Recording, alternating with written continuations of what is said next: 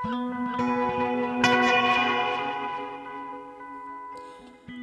sæl kærlustendur, Melgorka Ólafsdóttir og Halla Harðardóttir hils ykkur hljóðstofu Vísjár mánudaginn 7. november.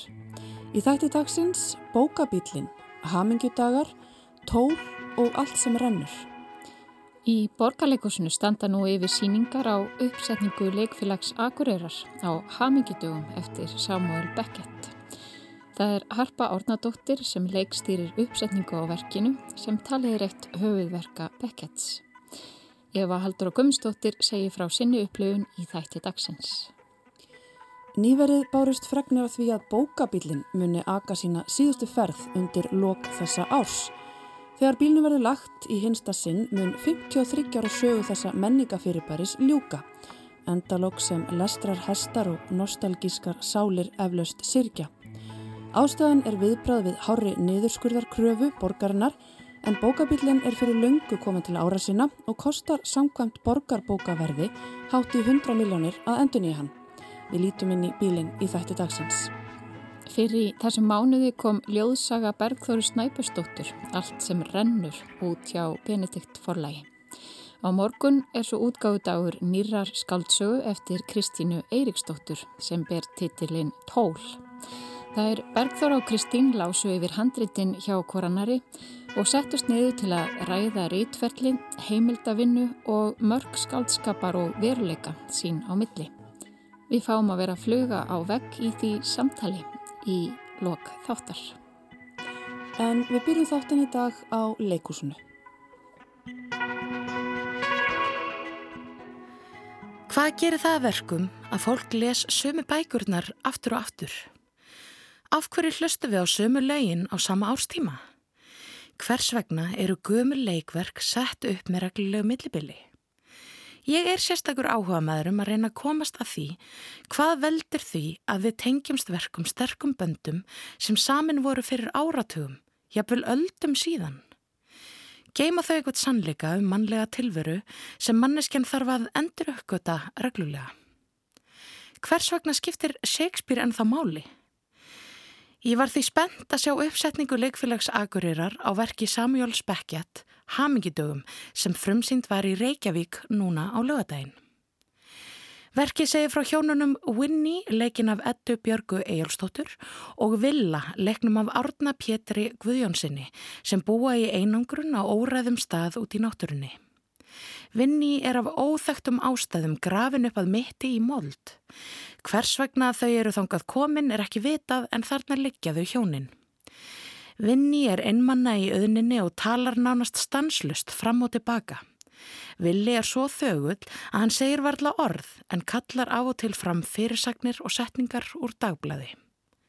Hann kemur hartnær aldrei úr felum þó svo að kona hans kalli þrálátt á hann í vonum tengingu og samveru. Hver dagur hefst á nákvæmlega sömu rútinúinni. Hún er vakin af háveri bjöllu, byður bænirna sínar, þrýfur sig, tegur lifin sín, raðar upp eigum sínum sem hún geif mér í töðru á moldarhugnum og rausar endalust í steikjandi hita sólarinnar. Í setni hlutaverksins breytist tilvera hjónuna lítið og vinni heldur áfram að rausa nema þá er hún grafin upp að hálsi. Samuel Beckett byrjar að skrifa verkið hamingidaga árið 1960. Hann er eitt af þeim leikskaldum sem allt áhuga fólkum leikús þekkir. Verk hans eins og beðið eftir Godot eru meðal þekktustu leikverka sögunar. Hann var írskur og dvaldi lengst af sínum starfsferðli í París. Hann skrifaði ekki aðeins leikverk, heldur vann líka ljóðskald og leikstjóri. Beckett var hefðraður með Nobelsveljarnum í bókmentum fyrir skrif sín árið 1969.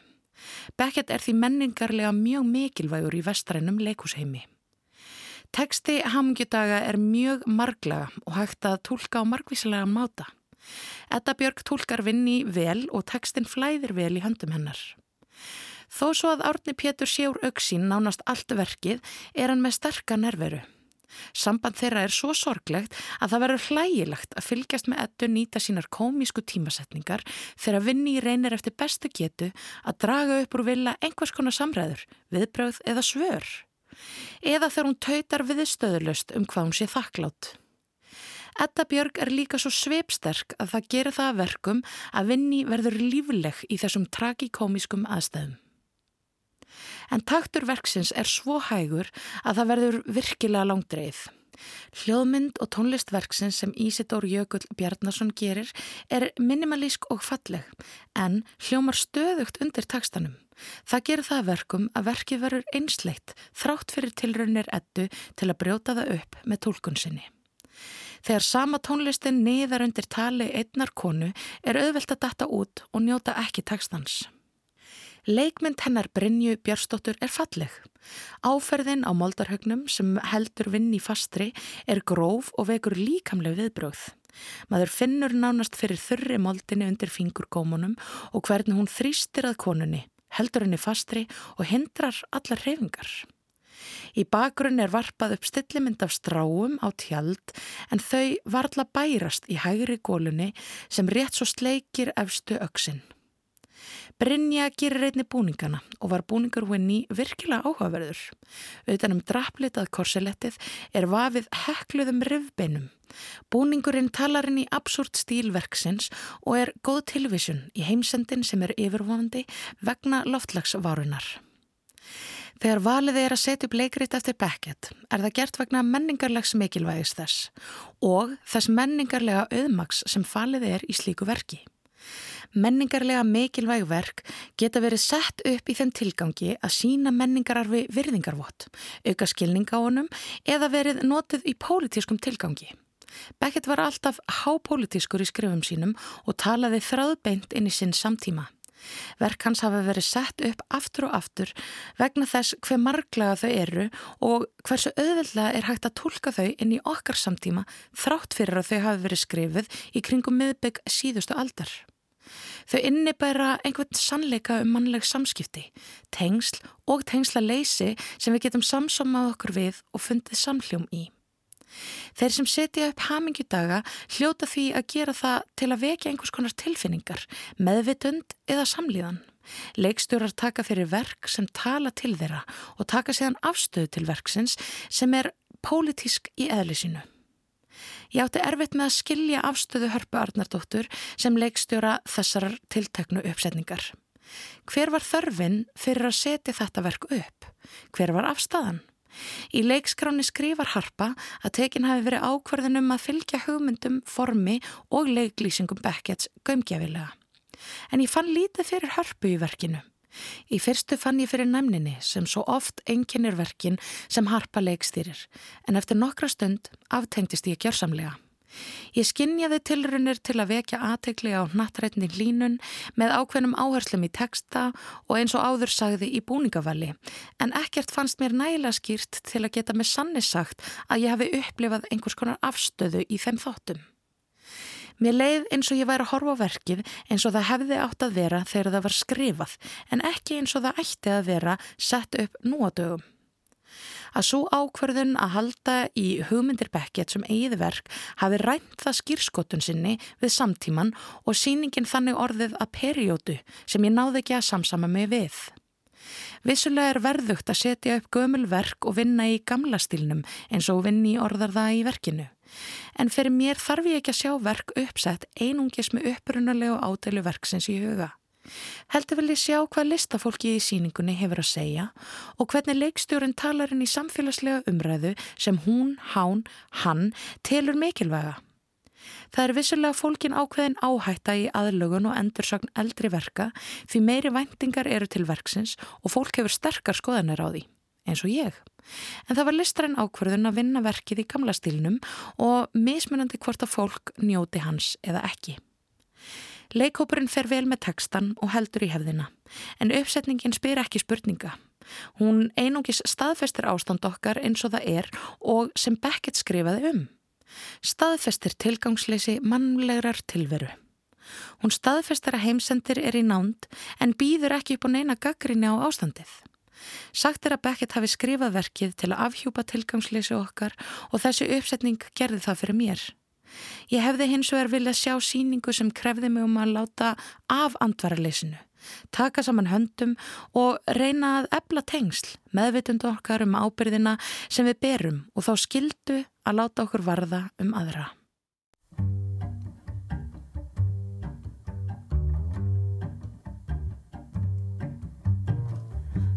Tes cheveux s'étalent comme un soleil d'été et que ton oreiller ressemble au champ de blé. Quand l'ombre et la lumière dessinent sur ton corps des montagnes, des forêts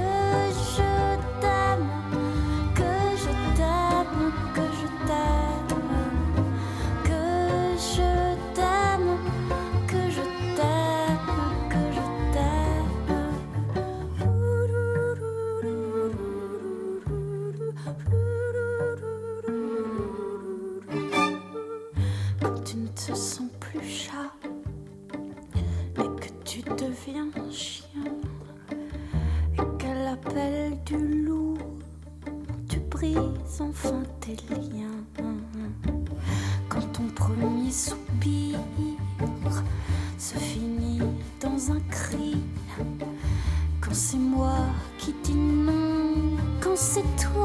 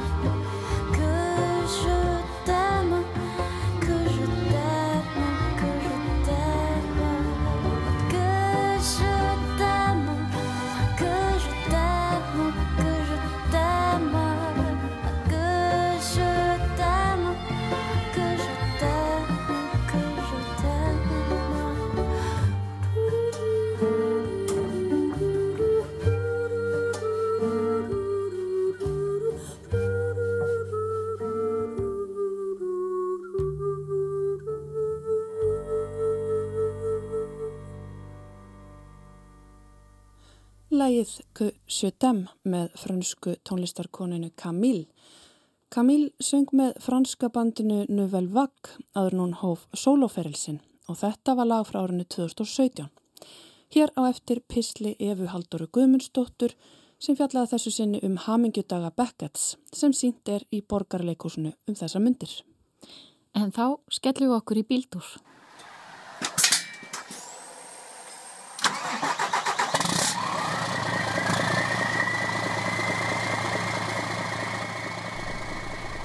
Einar, má ég koma einn aðeins inn fyrir? Mega gestur bókabilsins kom og tilla sig hérna hjá þér, er þetta vanalegt? Fínt svona bara.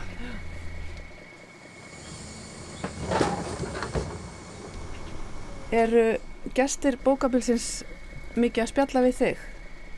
Alla börnin bara. Já. Jó, já, það kemur fyrir. Þeir spjalla sumir sko. Er ekki margir líka sem hafa bara áhuga á bílnum sjálfum? Jó, sérstaklega svona eldri karlmenn, finnst mér. Já. Þeir eru svolítið hérna áhuga samir. Spyrja svona út í típuna og hvernig, verið, hver, hvernig bílnum hafi verið breytt og eitthvað svoleiðis. Já, og líka kannski spyrja hvort hann sé til sölu. Það er svolítið þannig. Já. Já, já. Jú, þeir eru áhuga samur um kannski ímislegt. Það var búin til sem bókabíl og þetta er Scania. Það er vist mjög gott merki. Já. Búin til þarna árið 2000. Já. Já, endur hannaður og já, framleitur hvar í í Finnlandi. Já, innréttaður í Finnlandi. Já. Guðrýr, þú ert hérna með okkur. Já. Já, hann var sem sagt innréttaður í, í, í Finnlandi en, Já. en bílinn sjálfur er sænskur. Ef að tilla okkur hérna í betri stofuna, er það ekki? Já. Er alltaf svona huggulegt í okkur á mótnana með kaffibollan hérna inni og... Já, það er yfirleitt frekar rólegt svona fyrst. Svolítið kallstundum á veturna allan. En svo er fýring líka í bílnum, maður kveikir á henni og svo fyrir opnakerfið í gang og hittir allt upp. Þetta er huggulegt. Eru gestir mikið að tilla sér sér í hotnið og með bók og, og koma sér vel fyrir? Sérstaklega svona barnafólkið sko, það það fer hingað og hérna eru alla barnabækurnar aftast. Siti oft og er að lesa fyrir börnin sín. Guðrýr, þú manst svona, þú getur rifið upp, upp með okkur sögu bókabilsins og þá meina ég kannski líka bara uh, hugmyndarinnar um bókabil. Já, hugmyndin kemur frá Eiríki Hreini Finnbósinni sem var borgarbókavörður. Hann hafi kynst þessari þjónustu í Svíþjóð og flutt hann hingað heim og það var ákveðsins að bjóða þessu þjónustu hjá borgarbókasafni og það var nýbúið að taka upp hægri umferð á, á Íslandi. Þannig að það var þetta ómöld að hafa strætisvagnana með stýri vittlisum eigin en alltaf að hafa bókabílna þannig þannig að það var tekinn gammal strætisvagn og honu var breytt hérna í fyrirtæki sem heitir Bílasmiðan og hann byrjaði bara fóra á göduna 1969 þannig að hann fagnaði 50 ára eða sem sagt þessi þjónusta var 50 ára hérna fyrir þreymur árum. Og hann naut strax gífurlega mikill að vinsalda hann sem sagt bílinn þjónaði nú í hverjum, nýjum hverjum borgarinn eins og í Árbænum og, og í Breiðoltinu og bara frá fyrsta degi var hann, já, var hann mjög mikið notaður. Og það voru sko um það byrj þúsund útlána dag. Og hann var svo skemmtileg bílinn það voru á hann tvennar dyr. Þannig að öðrum meginn þá kom fólk inn og fekk lánað en við hinnadyrnar þar skilaði þar og það var svo mikið að bókaverðin sem voru að taka móti bókunum sem var að skila. Þeir þurfti sen að hlaupa með þar inn um hinnadyrna þannig að fólk geti fengið að lána þar aftur. Bara örtröð. Örtröð. Já og hann var svo vinsæl og eftirspurni mikil þannig að 71 þá kom annar bíl, Stubbur, hinn bílinn var kallaður höfðingi en Stubbur var nýr og hann var, líka, hann var sem sagt uh, kom frá Finnlandi eins og þessi hérna. Þannig að þeir urðu tveir frá 1971 og þegar að bílarnir að þjónustan var 10 ára þá höfðu lánast út 2,4 miljónir bóka úr þessum báðum bílum. Ég áttum ekki alveg á þessari tölu, 2,4 miljónir bóka og þú talar um hvað, þúsund bækur á dag. Það hljómar allavega mjög mikið ef við miðum þetta við svona bara hvernig útlánin er í dag. Já, þá er það mikið, við tölum til dæmis bara eins og bókasafni hérna í Kringlunni sem er nú það safn sem lánar mest út af borgarbókasafnunum, þá er mánaðlega útlán svona 12.000. Já. Þannig að það er langt frá því að vera 1000 útlán á dag, sko. En þessi hugmynd, þú segir hún sé að sænskri fyrirmynd, eh, hugmyndin er auðvitað bara svo eins og þú lýsir að færa bækurnar það út í hverfin þar sem eru ekki sem sagt útibú. Já, það er sko, borgarbókasafni var með mjög metnaði fulla stefnu hérna í, í, í þarna kringum 1970 og hún var svo að það var aldrei lengra en kílometri í næsta borgarbókasafn. Og þar sem var ekki samt til staðar, þar kom bókabillin þannig að þetta var svona, já, til að uppfylla þá kröfu eða þá stefnu. En núna hefur náttúrulega bókasafnum fjölgað og náttúrulega bílaegn hefur er líka orðið meiri þannig að það eru auðvildar að komast á bókasafni heldur en að var áður. Þannig að því litur og afgjörslu tímin er líka mjög rúmur núna. En já, það eru þetta fleiri bókusafn í dag og útibú í flestum hverfum en, en er þá tilgangur bilsins farin? um, ja, hann hefur svona kannski mingað eða sem sagt, já. Já, ég myndi nú ekki segja að hann var alveg farin Nei. Við þjónum sko við förum mikið á heimili fyrir eldri borgara og leikskóla og í þá grunnskóla sem að það sem ekki eru bókasöfn. Við til dæmis þjónum tveimur um engaskólum sem að það sem ekki eru bókasöfn og það er á þeim stoppistöðum er hann gífilega mikið notaður.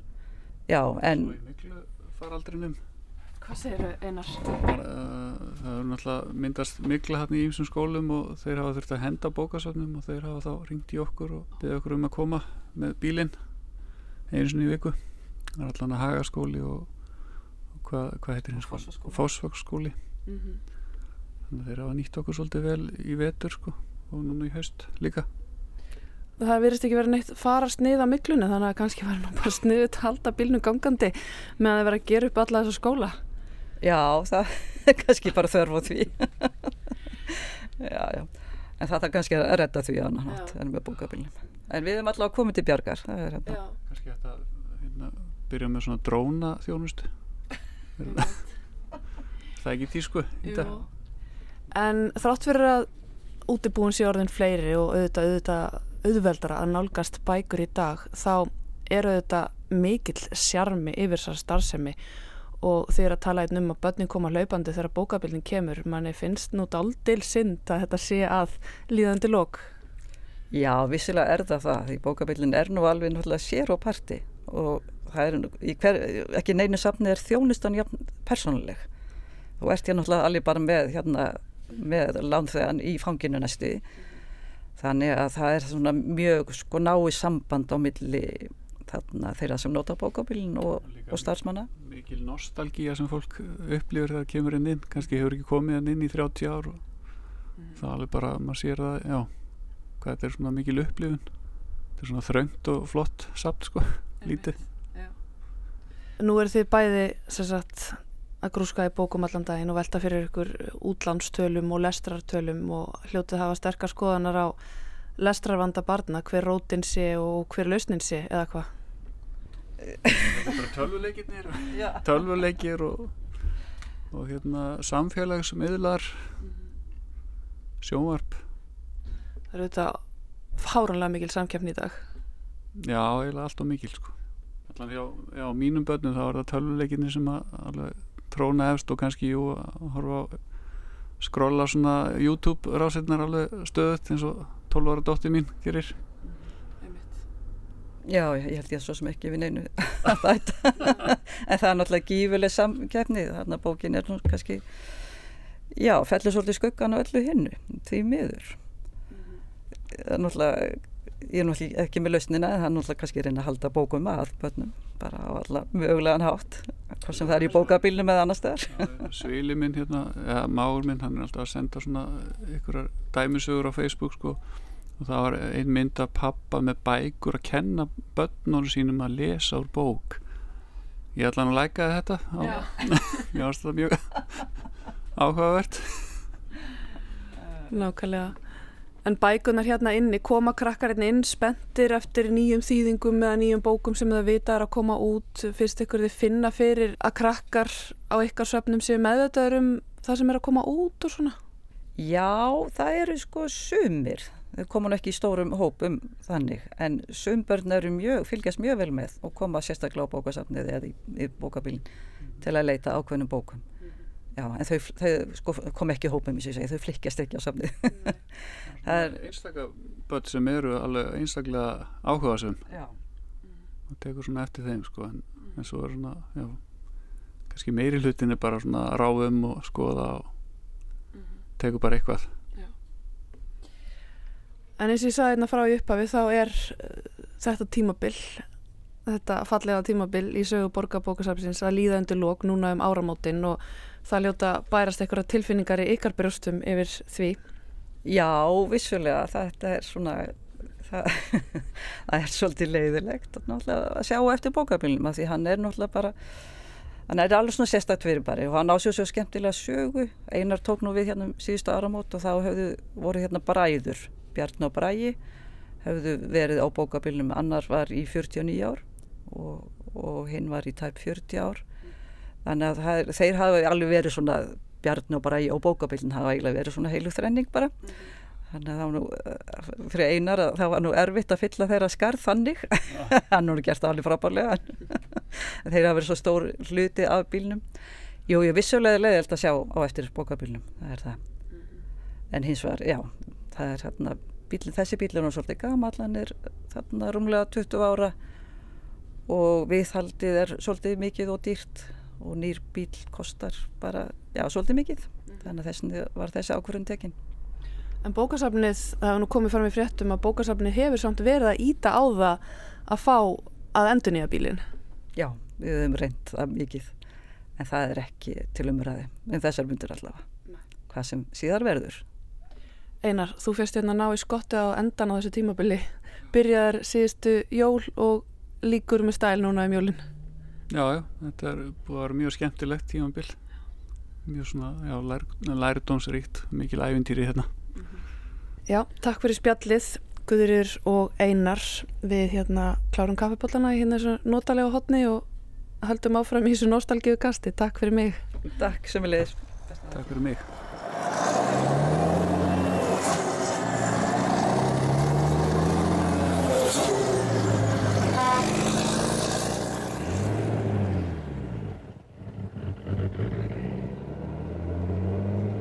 Þrjú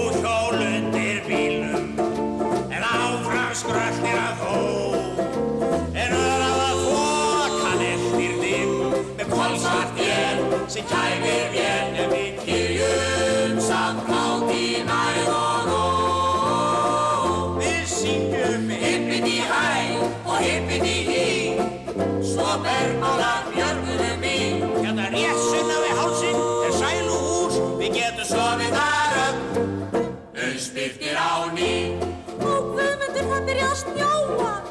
Það passar, þeir spáðu sólskinni Tvö hjól undir bílnum En áfram skröltir að þó. Í símar frí á fjallaslóð Hárið í hvín, dagsljóst vín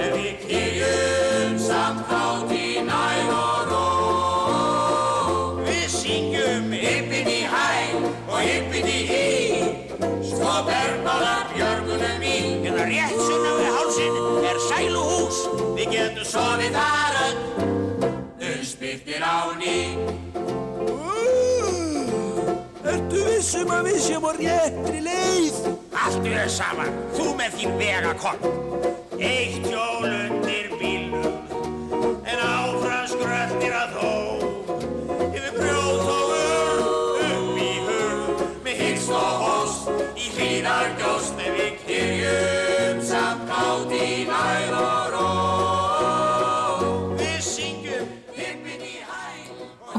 Ómar Ragnarsson og lægið Þrjú hjól undir bílnum. Lagtekið af samnemndri hljómblötu sem kom út árið 1965. Á henni syngur Ómar Ragnarsson á samt hljómsveit Svavars Gests. Hallarætti þar áður við þau Guðriði Sigurbjörnsdóttur hjá Borgabókasafninu og Einar Sigmundsson, bílstjóra bókabílsins. En nú eru tveir rítöfundar sestir í hljóðstofu. Það er Kristín Eiríksdóttir og Bergþóra Snæbjörnsdóttir. Við gefum þeim orðið.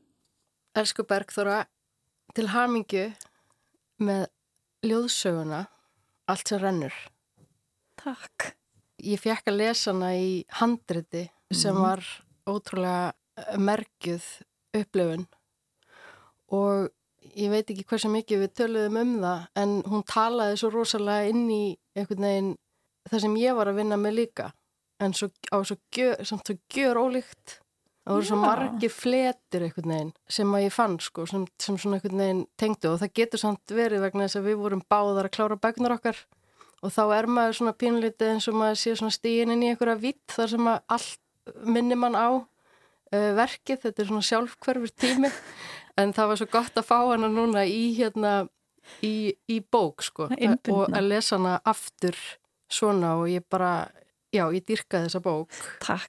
Þú hjálpað mér sko því að ég var alveg svona, ég held stundum að fólk sko, ég vil ekki mata lesandan á mikið og ég held ofta að fólk skilji meira en það skilur eða, eða bara sko þá, þá er ég ekki að meina sé eitthvað að fólki heldur bara því ég gefði mikið upplýsingarnar.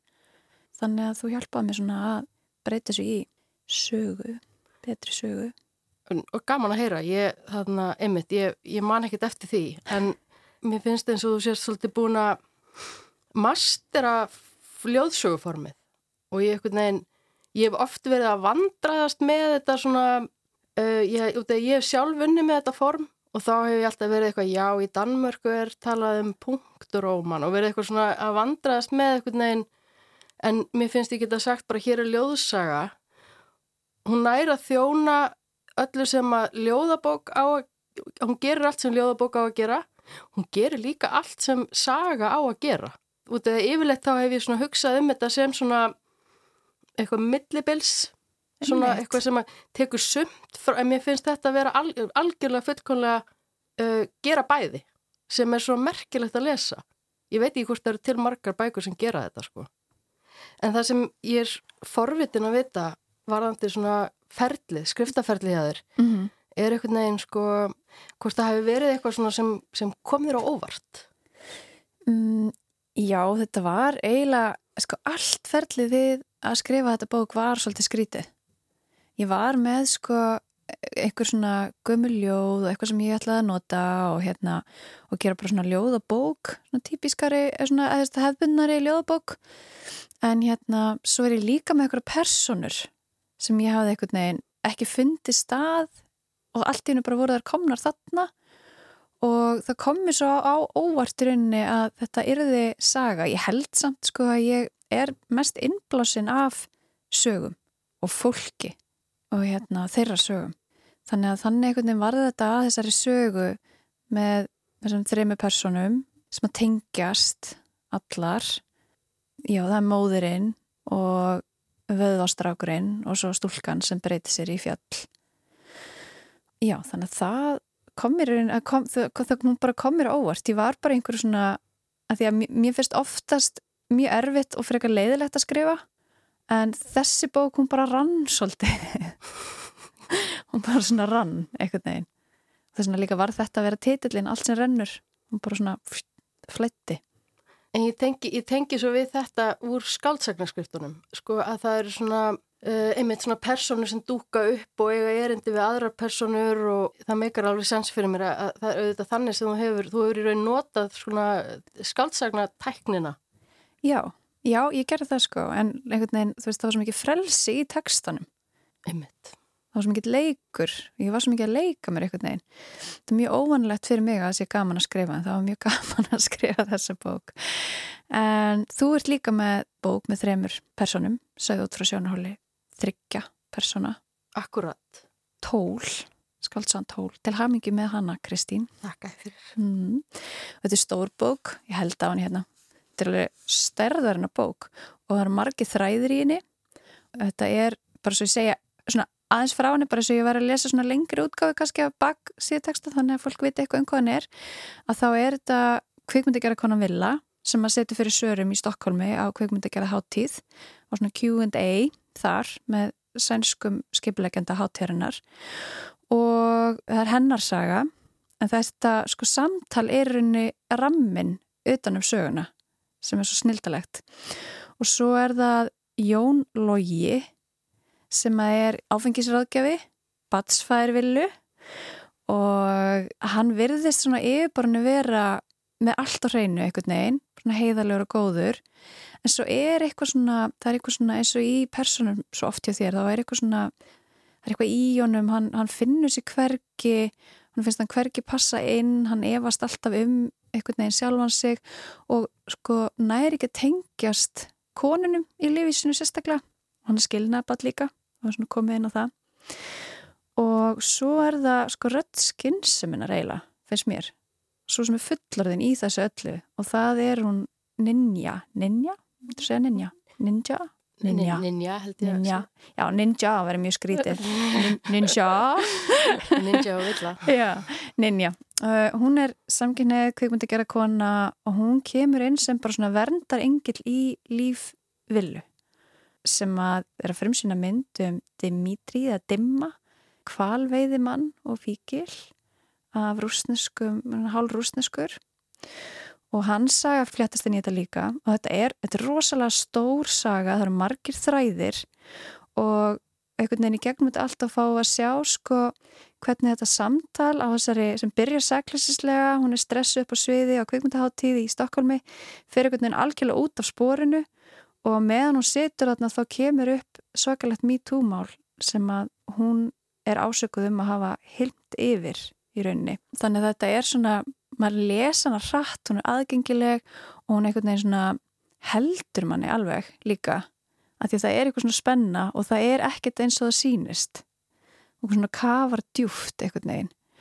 Hvernig er tæknin að því að nú ertu auðvitslega skaldsagnahöfundur eftir skálda, eftir skaldskapur og hvernig er tæknin við að halda utanum svona mikið af fólki, margarsögur, hvernig vinnur þetta? Mér finnst það svo áhugavert. Já, mér, ég er þakklátt að heyra þið segja sko að það sé leiðilegt að, og erfitt að skrifa út af því að það, það, er, það er það.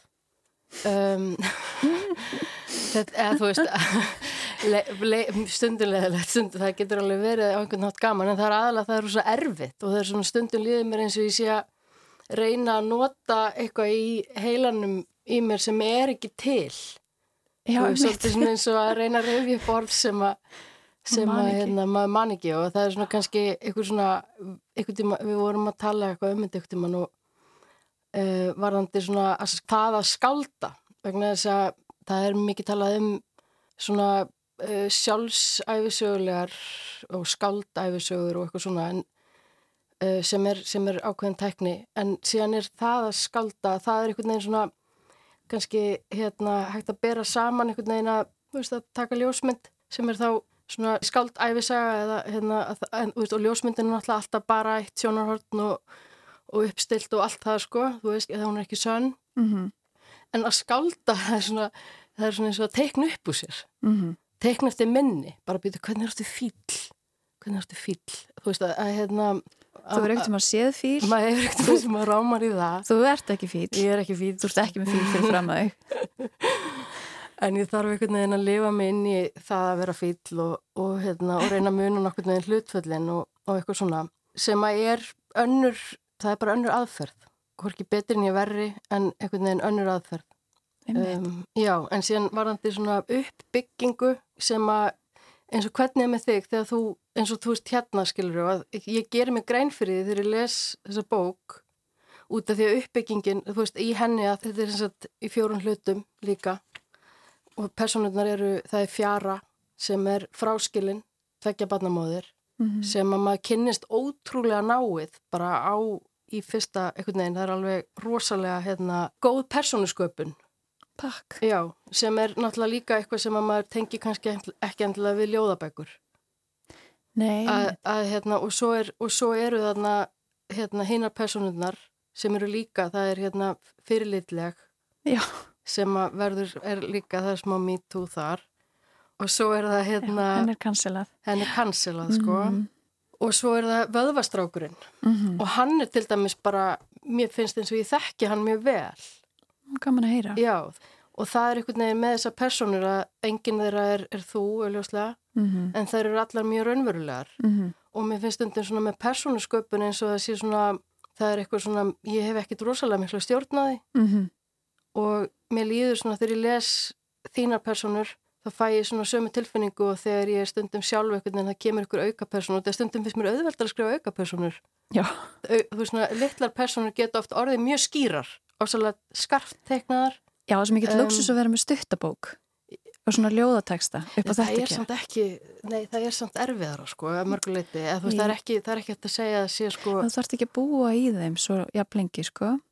En já það, getur er, orðið flóknar einhvern veginn þegar, einmitt, þegar maður eins og með svinsöð Já, þegar maður er í fólki bara. Já, það ertu náttúrulega bara í þessu manni alveg bara, þú, þú veist, en, en hann er líka svona svolítið skarft teiknaður, sko. En það er önnur aðferð, sko. Það er svona einhvern veginn eins og... Já, það er sko, sko þegar ég er að skrifa þá, ég veit ekki með þig en þegar ég er að skrifa þá hugsa ég aldrei maður neitt muni lesta Mm og þetta er svo mikið eitthvað svona innsægi Já. og svo er þetta sko, maður er alltaf að skrifa um eitthvað svona samanlegt Mm og þetta er svona svo leiksvið þar sem þú ert sko kannski með dúkkur og stundum er það hérna stíft og stundum er það einhvern veginn bara svona um, þú, þú ert að láta þær leika í rauninni kannski eins og í þessari bók þá er ég svolítið að láta þær leika það ræðilegasta sem ég get hugsa mér. En það er alltaf lægi að þetta er bara bók. Svo bara lokar bókin, bókin er búin þú veist, hvort sem þú varst að lesa hana að skrifa einhvern veginn. Þannig að en það er mikilvægt líka fyrst mér sko að mann finnir þykir væntum personuna sínar. Og mér finnst það mjög til dæmis í tól veist, þá eru það allar uh, þrývíðar og maður tengir við þær og þær eru að gera fráleita hluti sem manni langar að æpa á þær einhvern veginn. En maður tengir samt sko maður getur einhvern veginn skilja þetta því að það er búið að útskjara fyrir manni hvers vegna þær eru eins og þær eru. Já, það, já, algjörlega, algjörlega. Ég heldur síðan báðar, þú veist, að fjalla um einmitt þetta á einhvern hátt. Líka í sko bara eins og allt sem við kemur fyrir, fyrir litlagri mm -hmm. og það sem ég finnst kannski sko merkilegt við tónin sem að þú rataður á í allt sem rennur þessi tón sem rennur í gegnum bókina að það er, þú, þú ert svolítið að, að gefa okkur uh, án þess að fella dóm og án þess í raun að þú veist um leið og þetta eru, hérna, eru mjög sterkar myndir og, og svona, það er engar einhvern veginn svona fagufræðilegar málamiðlanir. Þetta er svo góður skaldskapur en það er einhvern veginn ekki, já, ég, veist, ég, ég get ekki alveg orðað þetta, fyrir gefiði. Ég, ég næ ekki orðað þetta. Allt er góðu. Sko, ég er að spá með heimildavinu. Má ég spyrja um heimildavinu, Kristín? Að því að þú ert með þessar personur og við einhvern veginn vitum að það er ekki allt sem sínist Villa, kvikmyndakera konan uh, hún á okkur sögu með dimma viðfangsefni sínu en ákveður samt að gera mann mynd og hann er kval veiðimaður sem er kannski raunveruleiki sem er ekki mörgum nálegur og þú ert ekki að veiða kvali að mér vitandi. Þannig að það er heil heimur og svo er bara líka sko þessi heimur kvikmyndagerðarinnar og svo er sko hann Jónlógi sem að er, já, bara mjög svona flokkn og fjölskyldasögu og fær sko þráhyggju gagvart ákveðinu personu í bókinni. Og Ninja sem er þarna heil, hún er fullorðinn eitthvað neginn og finnst, finnst þér heimild að vinna mikilvæg eða er skaldskapurinn rúlar hann, ræður hann er hann ofar öllu öðru? Mér sviðismyndin ósala mikilvæg og mér finnst svolítið svona eins og oft þegar ég er að skrifa þá getur verið svolítið langur tími, svolítið langur aðdragandi þángat til sviðismyndin kemur. Mm -hmm. Um leið og sviðismyndin kemur þá er, veistu, þú veist hvað ég er að tala um, mm -hmm. þá er allt í hennu komin saga og svona heimildavinna, praktísk heimildavinna, hún tengist mjög ofta þessari sviðismynd mm -hmm. og svo heimildavinna, hún verður eins og svona, hún fýtar inn í, hún nærir síðan skriftirnar.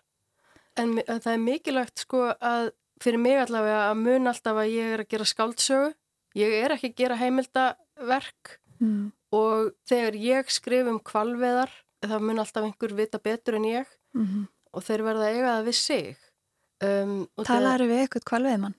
Um, ég talaði aðeins við, við flensara svo er ég bara búin að tala við sko, þú veist, ég er búin að auðvitað, ég er búin að tala við fullt af fólki og ég tala við mikið af fólki og ég tala við fólk sem tengist hérna út af því að þarna, það er mikið sem gerist þarna á, á svona hérna uh, í velferðarkerfinu, þú veist, í, í batnavendamálum og, og þá er alveg mikilvægt fyrir mig að það væri einhvern veginn uh, ekki farið of rámt með staðrendir en ef að ég fer að hengja mig í staðrendir þá er ég farin að skrifa reitgerð.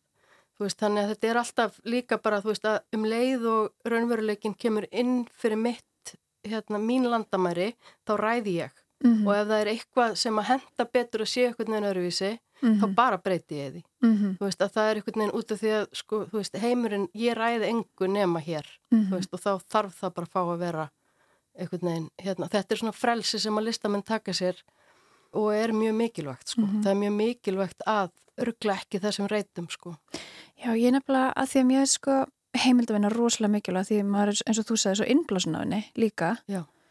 en svo einhvern veginn er það þetta líka með skaldskapin og mér hættir sko til að verða svona stressuð fyrir því að, að einhver muni segja þetta er ná ekki svona eitthvað svona. Já. þannig að ég stundu festist í heimildafinni alveg endalaust þegar það er unni þjónar kannski ekki einu sinni neinum sérstökum tilgangi sko. Þetta er þessi lína sko að sína viðfangsefninu verðingu en að vera samt já, bara gefa sér leifi til að vera skálda. Maður er bara búið til einhverja legarsögu. Ef maður er að skalda sko.